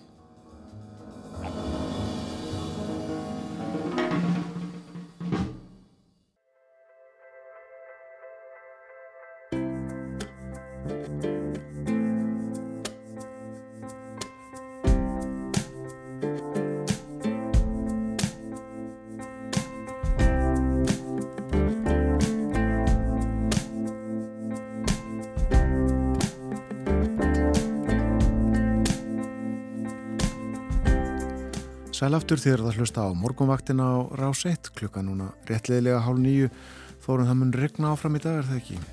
Jú, gert ráð fyrir því uh, það verður sérstaklega regning söðaustanlands en væta með köplum annar staðar þó yfirleitt þurft á Norðurlandi eftir hátegið og austan og norðaustan átt 5-15 metrar á sekundu í dag.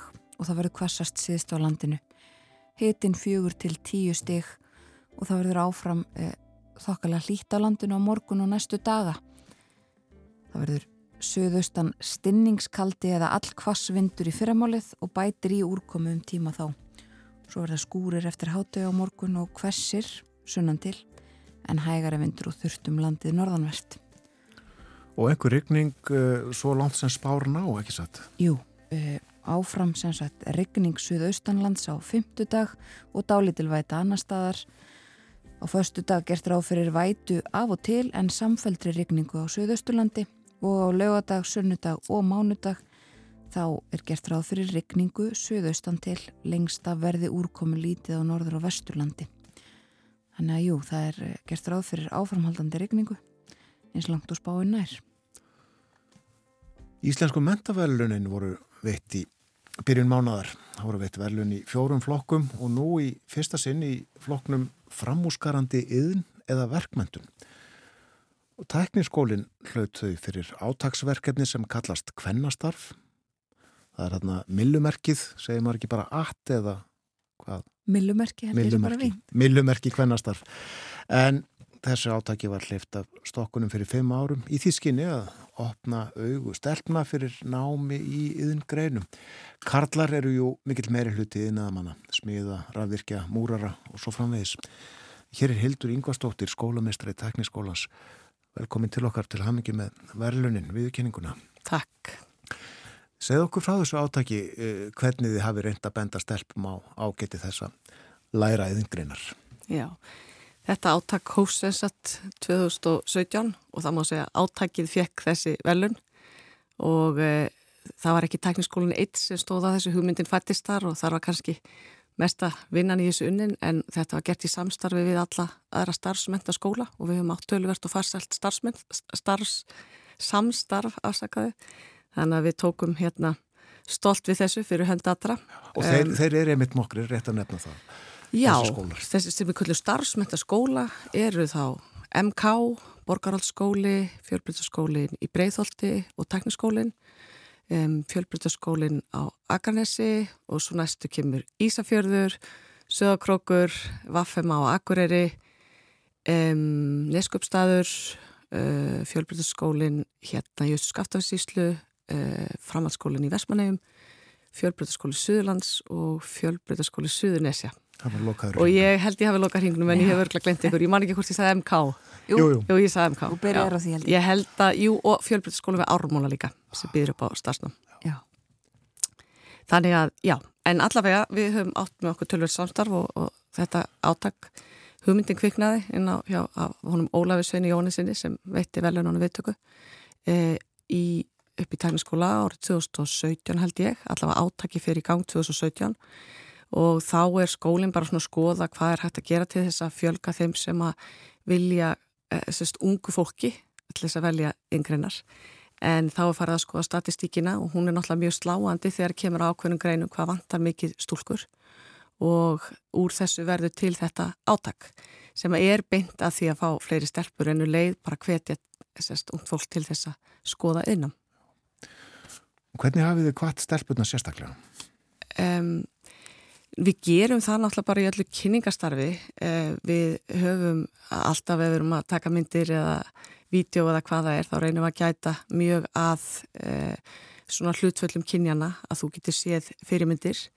Við gerum það í rauninni þegar við hittum nefnendur að, að sagt, tilvonandi nefnendur að benda þeim á alla möguleikana og við gerum það líka með því að við erum með bara í tækniskólum til, til dæmis tölverst af kvenkinskennurum sem að geta verið góða fyrirmyndir bæði til dæmis í smíði og í rafirkun og um, já þetta er svona marg, marg þætt Fyrirmyndirnar eru nefnilega mikilvægar. Fyrirmyndirnar eru mjög mikilvægar og upp úr kvennastarfi má segja að hafi svo orðið til félagskapu sem heitir fagkonur og þið ættu nú endilega að fá þær einhvern tíman í heimsók til ykkar ef þið hefði ekki gert það. Við höfum gert það einhvern tíman, það er orðið svolítið síðan. Akkurat, og þær hafa til dæmis verið hérna, mjög duglegar að þetta er sérst konur í svona karlægum yngarinum og þær hafa verið mjög duglegar til dæmis að fara inn í grunnskólana og hérna leifa nefndum, þá sjá þeir bæði stelpunar og strákarnir að hérna konur, þá, þá fá þær kynast greinunum en jáfnframt sjá konur sinna þessum greinum.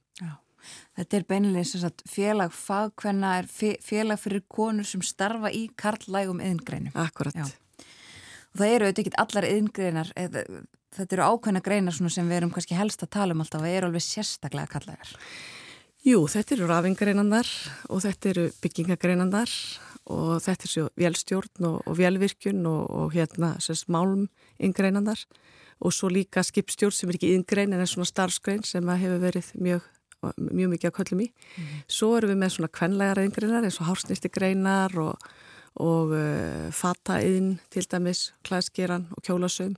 En það er samt, það hallar ekki svona rosalega á, þar eru fleiri konur en það er kannski 20% strákar eða 30% strákar, ekki 5% eða 8% sem sagt minni hluti eins og er í, í þessum karlægari greinum.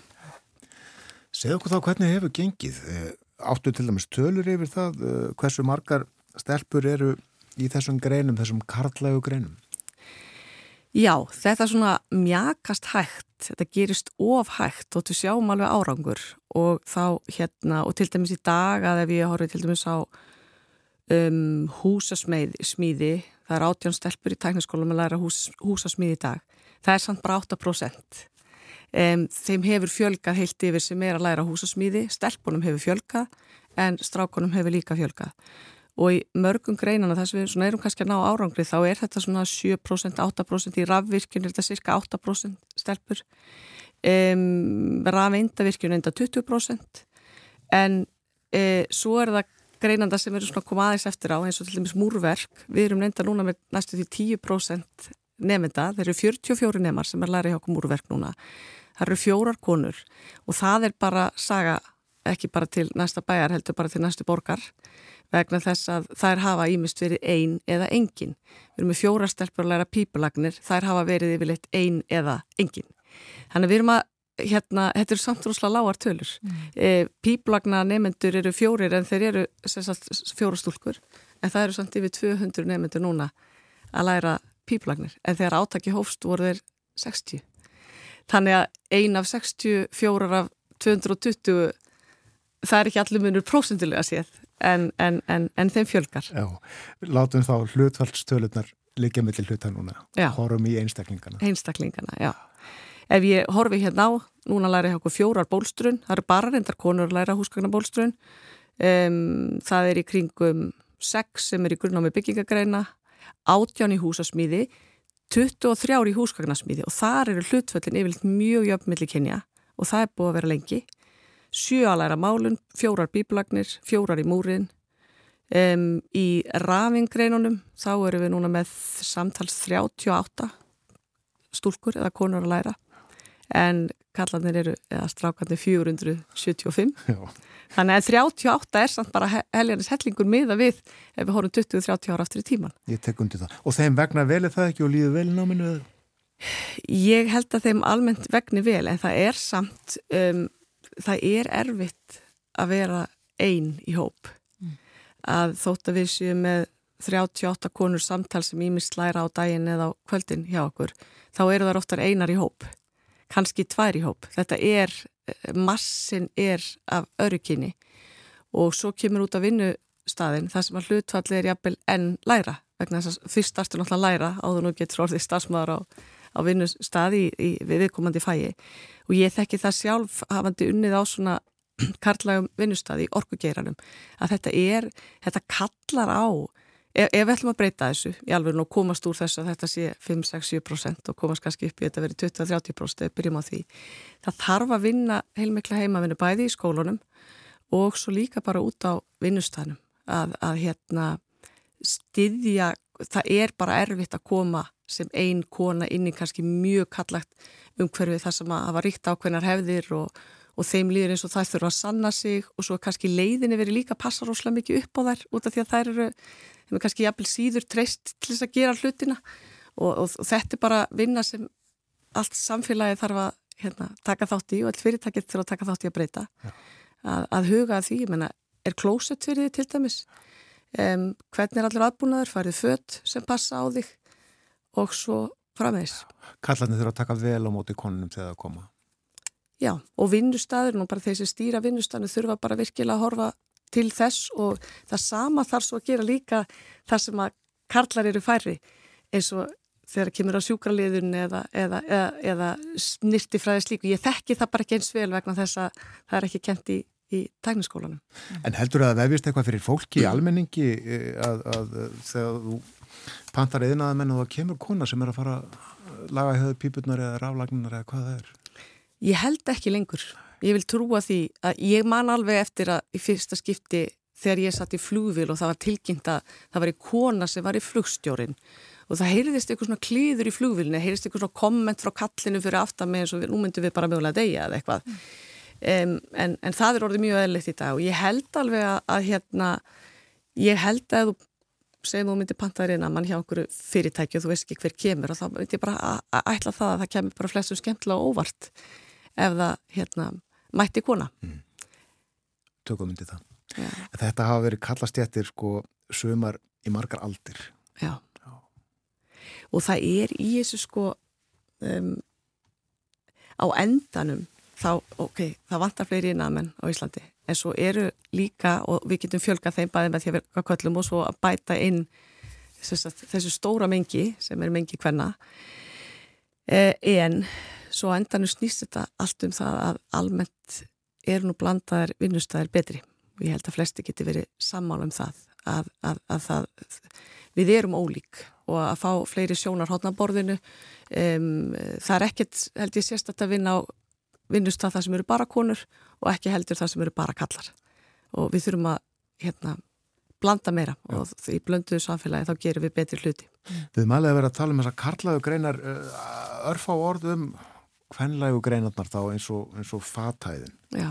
Þar hefur köllin fjölkað líka. Þar hefur köllin fjölkað og uh, núna er hlutvalli, ég er að horfa hérna á Excel-riti mitt, um, núna eru að læra, það er svona 30% af nefnendum í fatæðin og kjóla og klæskurði eru menn, ungi menn og fyrir nokkur mánu síðan ein, eitt hausti þá byrjuðu jafnni fleiri strákar en stelpur. Og þetta held ég bæði sjá þeir möguleika en svo held ég að þetta tengis líka einhverju leiti áhuga á hönnun og, og geta jafnvel hann að sína einn fött og töskur og fleira. Þannig að þar eru við bara hérna að verða nokkuð góðum myndi ég segja. Í hársnýsti greinum, nú er þetta einn sameileg grein, þú bara lærir hársnýsti grein og þú verður ekkit rakari eða, eða hárgreðslu damalengur, þú verður hársnýstir og þar er svona 20% strákar. Þeir þýrt að vera fleiri. Og, en við erum ekki með þessi rosalega lágu hlutvöld eins og í það sem að konur eru færi. Mm. Heldur að þetta verði einhver tíman bara alveg jánt, stefnum við í það eða Munum við sjá það? Ég er ekkit vissum að þetta verði einhver tíman alveg jæmt eh, að einhver leiti eru við ólík. Og nú tölum við um kalla á konur en svo erum við með, við erum náttúrulega alls konar. Og, og það er mjög mikilvægt að, hérna, að allt passi fyrir öll kyn og að við getum líka hort til mismunandi uppruna og, og kynþáttar og, og alls líks sem er bara mjög mikilvæg hluti af þessu líka Ég er ekkit vissum að þetta veri 50-50 í öllum greinum og ég veit ekkit hvort það var endilega betra en, en, en, en að vera ekki með svona rosalega, þú veist, þegar með einhverja grein þar sem eru 30% á öðru kynu og 70% á hinu kyninu, þá eru við bara alveg príðilega blönduð. Þannig að, að hérna, ég veit ekki hvort endumarkið ætta, ætta vera. En þú nefnir einmitt, sko, önnurkyn og annan uppbruna og allt þetta, eru, sko, hvernig er þeim málum hátt að til dæmis hjá ykkur í tæknaskólanum? Eru margir nefnendur sem að skilgreina sig kvorki uh, kallkins eða kvennkins eða hvernig er svona með ólíkan uppbruna fólks? Já, já, við erum með hérna bara eins og þverskuruna samfélaginu og þá erum við náttúrulega með nefnendur sem að sagt, endur skilgreina kynsitt og við erum bara að taka vel á móti þeim eins og öllum öðrum. Mm. Svo erum við með hérna og svona mjög virt hins sem félag til dæmis í skólanum sem er hérna mjög jákvæmt Um, svo eru við náttúrulega með tölvert af nefndum af erlendum uppruna. Við erum núna með bara að læra íslensku hjá okkur eru eitthvað tæplega 120 nefndur sem eru að miklu leiti flóta menn og margir er búin að hljóta alhjóla vend og sumir ekki og þeir eru í skólanum hjá okkur í eina til fjórar annir til þess að læra íslensku nógu vel til þess að fara svo í annan nám á íslensku. Og margir þeirra skila sér svo inn í innám sem er farið í háskólanám og svo frammeins. Þannig að hérna, við erum með mjög fjölbreyttan skóla og erum að reyna að sinna þessum hópi vel. Fyrir utan alla þá sem kom og eru búin að læra næga íslensku til þess að geta farið beint í, beint í nám. Og eh, eins og ég talaði um áðan að við reynum svona í öllu kynningarefni að, að, að horfa til begja kynja, skulum við segja, en við ættum kannski að segja allra kynja um, að þá reynum við líka að horfa til þess að, að við sjáum líka fólk af öðrum uppruna en akkurat tíðan frá Íslandi. Já, það er gott að heyra. En aðeins að, að kynja hlutustanum aftur, uh, hafa þau verið hér á landi uh, með sveipuðum hættu og hinnum Norðurlandun? E, ég hef ekki nákvæmar tölur um það, en þegar ég hef verið kannski að heimsækja einhverja kollega Erlendis, ég var til dæmis með, var með svenska skúlverkat hjá mér um daginn og við vorum að ræða til dæmis eh, hlutelt hvenna í eins og húsasmíði og það verðist vera kannski svona nokkuð svipað og við erum svona horfa á það að, að vorum að ræða þá það hvernig við ítum okkur á næsta, næsta stað. Um, ég held að ég stundum tala um það að fyrst komist á stað þar sem að þetta er pínu skrítið, fyrsta konan sem læri pípulagnir eða múrverk eða hvað er það fólki það skríti svo kemst þetta í það að vera svona bara aðdánavert það er bara töff í dag að læra rafvirkjun. Það er bara töff að læra smíði sem kona. Þú veist það er, þegar ég lærði vélaverkfræði fyrir 25 árum síðan þá var þetta náttúrulega allt í töff sko. Svo það bara komast á þennan stað. Þetta sé bara eðlilegt, þetta sé ekkit sérstakt. Og það er, held ég bæða á Norðurlöndunum og hér er að komast af þess að þetta sé bara svona töff í að okkur finnist þetta bara að vera eðlilegu partur og það sé ekki sérstatt við það að vera kona Já. og þetta var nú kannski ekki nákvæmlega svar við spurningunni en, en fint svar samt Já, en, en kannski bara út í var með þau heimsóknum daginn og þá voru að ræða akkurat þetta hvernig við komumst á næsta stíg en Já. ég hef ekki nákvæmlega tölur en ég þykist vita að þessu þetta sé með nokkuð svipuðu móti og hér og þegar ég fer í erlendaskóla í heimsókn þá er ég alltaf að leita að konunum í hérna þessum kallagreinum og svo er ég alltaf að leita kvöllunum líka í þessum kallagari greinum. Já. og þetta fyrsta sem ég spurum er einhver kona hér og stundum er engin og stundum er nokkrar. Og voðalega ofti er það bara ekki akkurat í skólanum þarna. Þannig að ég get ekki sé að hérna, menn séu komin lengra þar. Nei, akkurat. Herðin hérna að boraði veg eh, líklegt að það veri kall sem að heldum borvilina en uh, Hildur, þetta var um, um uh, kynin. Aðeins að því að uh, mjög oft er hér rætt um vöndun á yðnaðamönnum. Hefur gengið vel að fjölga skólaplásum? Eh, það gengur hægt. Um, það hefur náttúrulega, við hefum þurft að hafna allt á mörgum eh, undanfarn ár, eh, þó aðeins færi núna í höst en við þurftum í fyrra. Um, og þetta náttúrulega liggur í því að, sérst, og það vantar einan menn, ég held að geta allir verið sammálinn það sem hafa reynda að ringja í pípara eða rafvirkja við finnum það bara flest öll sem þurfum þessa þjónustu. Um, það hefur þeim sem sækja um hefur fjölgat tölvört umfram þau pláss, umfram plássin hvað þeim hefur fjölgat þannig að e, það vantar alveg e, við þyrt, það þyrfti fleira að vera sækjum en samt eru við að sinja rosa mörgum í dag. Mm. þannig að við þurfum verulega að fjölga plásum og sérstaklega hérna höfuborgarsvæðin og fyrir norðan að það þarf að fjölga plásum og það getur leið í skort og kennurum, það getur leið í um, hú, sérst, aðstöðu og svo getur það leið í fjármagni. Já. og það var settur á stað núna í sumar svona átagsópur um bráðaðgerir í starfsmettamálum til þess að sérst, sem gaf út skýslu bara held í síðustu viku sem er hægt að lesa á, á hérna finna á við menta- og barnamálaráðanindisins og þar koma ymsar tilugu fram og, og, og ég hef fulla trú á því að, að stjórnvöld hérna, fylgi eftir orðum og, og það verði bragabót á. Hvað er þetta húsnæðismálum tækniskónas? Um, þau eru nú eitthliður í þessum hérna, aðkerðum að e, það er bara komin í gang vinna þar núna við svona verkefnahópur sem er skipaður af um, við komandi ráðuneytum fórsættis fjármála og menta á barnamálaráðundinu og svo koma fleiri þar að og er að skoða í rauninni mögulegt egnarhald og, og hvernig megi gera þetta. Þannig að við erum svona að sjá eftir nokkur ára, eh, ég ætla ekki að kalla það bara áttu en þetta tekið smá tíma að, að, að koma hugmyndinni á koppin og, og, og hún komst inn í ríkistjórnarsáttmála við myndun síðustu ríkistjórnar og við hérna erum bara komin á fullt í undirbúningi. Býtu mun að rýsa í Hafnafyrði, er það rétt mun að hefna? Það er stefnan, að það rýsi í Flensborgarhöfn í Hafnafyrði. Eitt samanlega skóli og þá förum við úr nýju byggingum í eina Já. sem verður gríðalögum munus fyrir okkur. Og planið er að, að þetta gerist hvenar heldur? það er rosalega góð spurning. Eh, eh, það fyrir á næstu árum, skulum við segja. Næstu árum. Já, ég er svona bindvoni við að við getum komist vel á stað á næsta ári en það tekur nú alltaf einhver ára að byggja hús. Það er rétt. Þakka fyrir að koma til okkur á morgunvaktina. Takk fyrir. Hildur Ingvarstóttir, skólumestri tekniskólas. Töluðum um uh, kynin og uh, verknám, tekninám, yðinnám og uh, verlunin sem að uh, átakið fjekk uh, átak uh, sem að miða því að bæði á vekja aðtekli á yðnámi en ekki sísta því að opna augu stelpna og það vafðist eitthvað þarna fyrir mér millumerki, ég nefndi að það er annað merki, er það ekki þú? Jú, Já. Það er annað merki. Millumerki kvennastarf. Já. Ég var að ljúka morgunvaktinni á lægi Já. Hlustum á Olga Guðrún Átnóttur syngja Það vantar spýtur. Við þaukum samfélgina í dag. Verðið sæl. Verðið sæl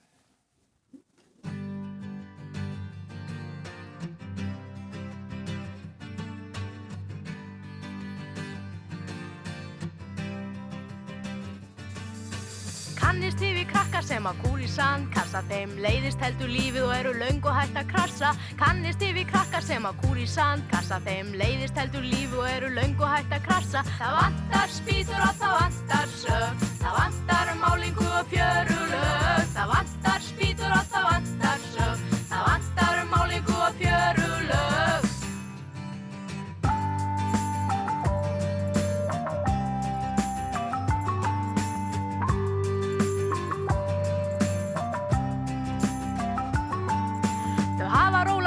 miljón sinnum út og inn og móka saman sandinum í skóin sinn. Þau hafa róla hundra miljón sinnum út og inn og móka saman sandinum í skóin sinn. Það vantar spýtur og það vantar sög, það vantar málingu og fjörulög.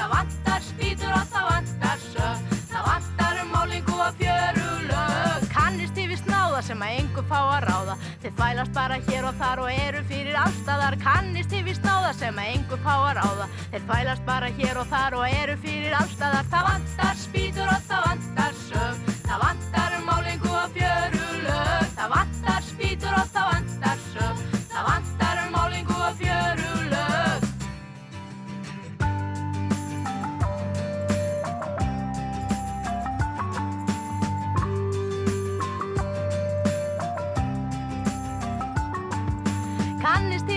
sem á kúra á skólabeggjum og langt um flestu líður eins og kartöflum í sekkjum. Kannist yfir krakkar sem á kúra á skólabeggjum og langt um flestum líður eins og kartöflum í sekkjum. Það vantar spýtur og það vantar sög Það vantar málingu og fjörulög. Það vantar spýtur og það vantar sög Það vantar